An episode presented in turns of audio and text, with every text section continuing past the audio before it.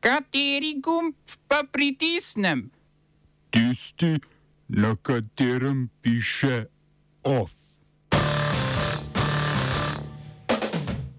Zmaga desnice na italijanskih volitvah, premijejka bo Giorgia Meloni.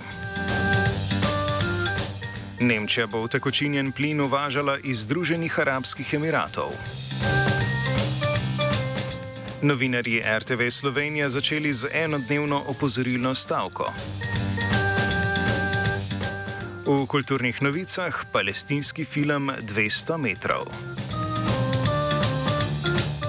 In v akademskih 15 o dogajanju v študentskih organizacijah in študentskih svetih.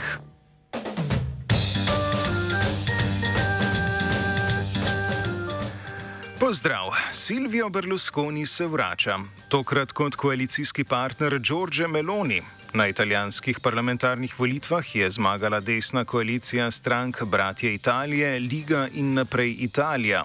Po delnih rezultatih volitev so Bratje Italije prejeli 26 odstotkov glasov, premijejka bo tako postala predsednica stranke Giorgia Meloni.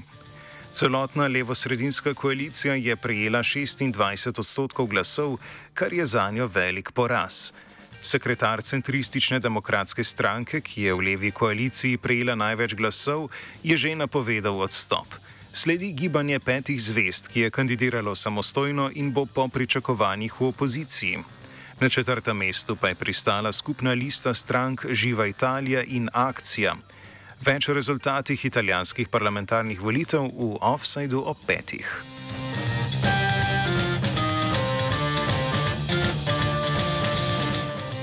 Švicari so na referendumu sprejeli novo pokojninsko reformo.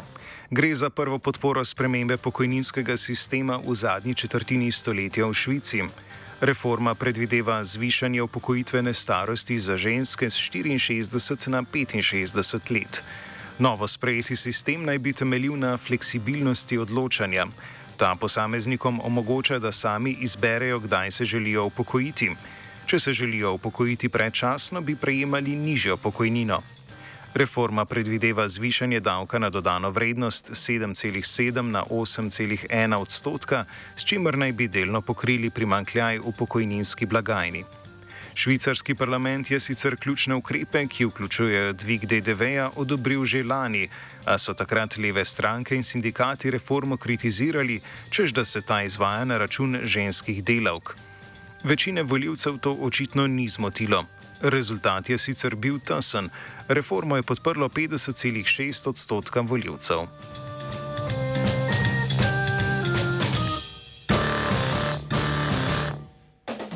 Avstrijska ljudska stranka je na volitvah državnega parlamenta na Tirolskem zmagala, a izgubila 10 odstotnih točk glasov. Stranka je prejela 34,5 odstotka glasov. Ljudska stranka, ki v državi vlada že 77 let, sicer nikoli ni prejela manj kot 39 odstotkov. Svoj rezultat so izboljšali socialdemokrati, ki so prejeli 19 odstotkov glasov, kar je približno toliko kot stranka svobodnjakov. Zeleni, ki so doslej skupaj z Avstrijsko ljudsko stranko sestavljali državno vlado, pa so prejeli 8 odstotkov glasov. Vodilni kandidat ljudske stranke, Anton Matl, je pred volitvami sicer zavrnil sodelovanje s svobodnjaki.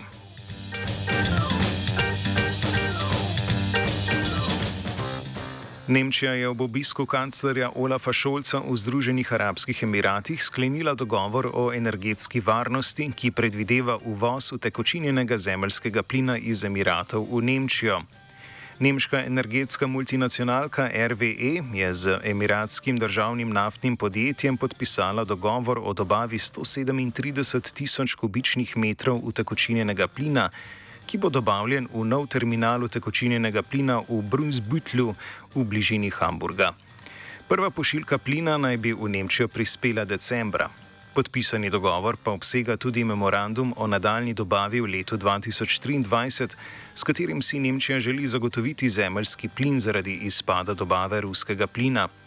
Še leta 2020 ga je iz Rusije dobila prek 50 milijard kubičnih metrov. Dogovor z Emirati bo torej zadovoljil le manjši del energetskih potreb.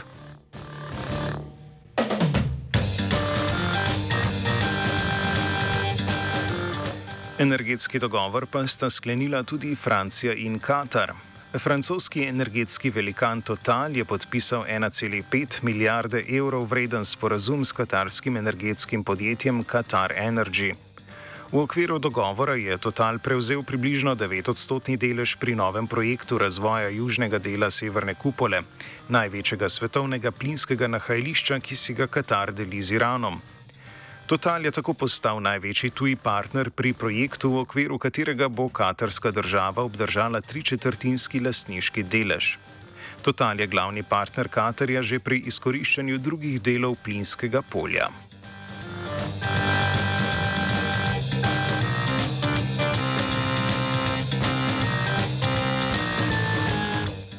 Odcepljena somalska regija Somaliland bo predsedniške volitve preložila na naslednje leto.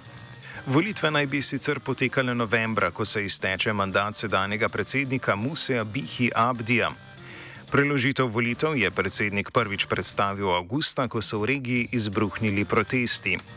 Abdi je kot razlog za zamik datuma volitev, ki bodo potekale julija naslednje leto, navedel, da izvedba volitev novembra letos ni mogoča zaradi časovnih, tehničnih in finančnih omejitev.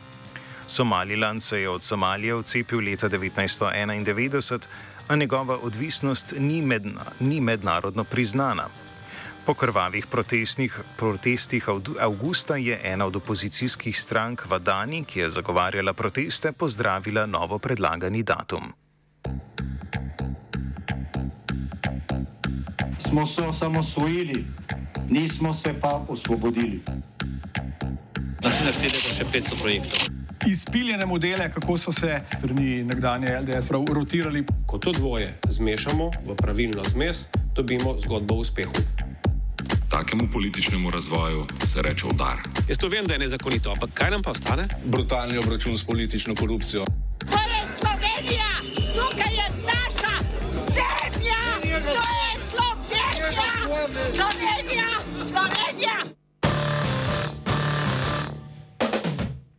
Novinarji RTV Slovenija, združeni v koordinaciji novinarskih sindikatov, so pričeli z enodnevno opozorilno stavko, ki so jo napovedali pretekli teden. Novinarji ustrajajo pri stavkovnih zahtevah, ki so jih prvič postavili 23. maja. V okviru opozorilne stavke bodo potekali novinarska konferenca, zbor delavcev in shod za javno RTV. Mnoge vsebine RTV bodo okrnjene, še vedno pa bodo poročali o izrednih dogodkih, s čimer bo zagotovljen zakonski minimum delovnega procesa. Zahteve stavkojočih povzame novinar informativnega programa televizije Slovenija Nec Furlan.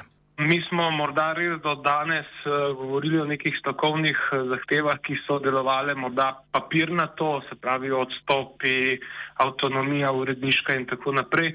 Zadnje dni pa se vendarle dogaja, da nam je težko in obojim je v bistvu težko, tako novinarjem kot tudi urednikom oziroma ostalim sodelovcem, ki prihajajo sem z nekim določenim namenom samega vodstva. Recimo danes smo, to je zelo sveža novica, slišali, da je vede urednika uredništva za nove medije MMC gospod Igor Pirkovič že v drugo umaknil prispevek o stavki na portalu MMC z prvega mesta ne? in urednikom grozi tudi sankcijami. Zaposleni na javni RTV so podobno stavkali že v preteklosti, a niso dosegli ničesar. Tudi sam sem mnenja, da samo nošnja majice, nikogaršni hlapci in tako naprej ne bo razmer uredila. Razmere bo v tem trenutku uredil zgolj dialog z vodstvom in iskanje kompromisov, za katerega pa se bojim, da je vlak že zdavnej odšel. Tako da, kaj nam preostane, odstop, odstop vodstva. Drug, drugega ne vidim tukaj. To, da mi nekaj kričimo, pišemo po Facebooku, Twitterju, dajemo izjave za medije, kako je vse težko, je premalo. A je pogovor tukaj rešitev? Ja, je in ni. No, slišali, slišali smo danes, tudi prebrali po družbenih omrežjih, kako je, kako je vodstvo enostavno ukazalo novinarjem, naj zapustijo glavni informativni desk in odidejo v pisarne. Sočasno s stavko bo sicer potekala tudi seja programskega sveta. Na njej bodo obravnavali kadrovsko problematiko televizijskega informativnega programa, ki ga zaposleni zapuščajo.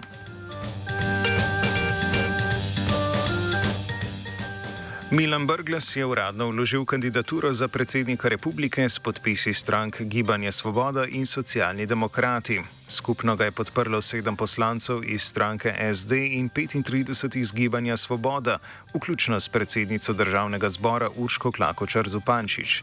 Kandidaturo s podpisi štirih poslank in poslancev pa je oddal tudi kandidat levice Miha Kordiš. Kandidati imajo za oddajo kandidature čas do srede 28. septembra. OF je pripravila Tija.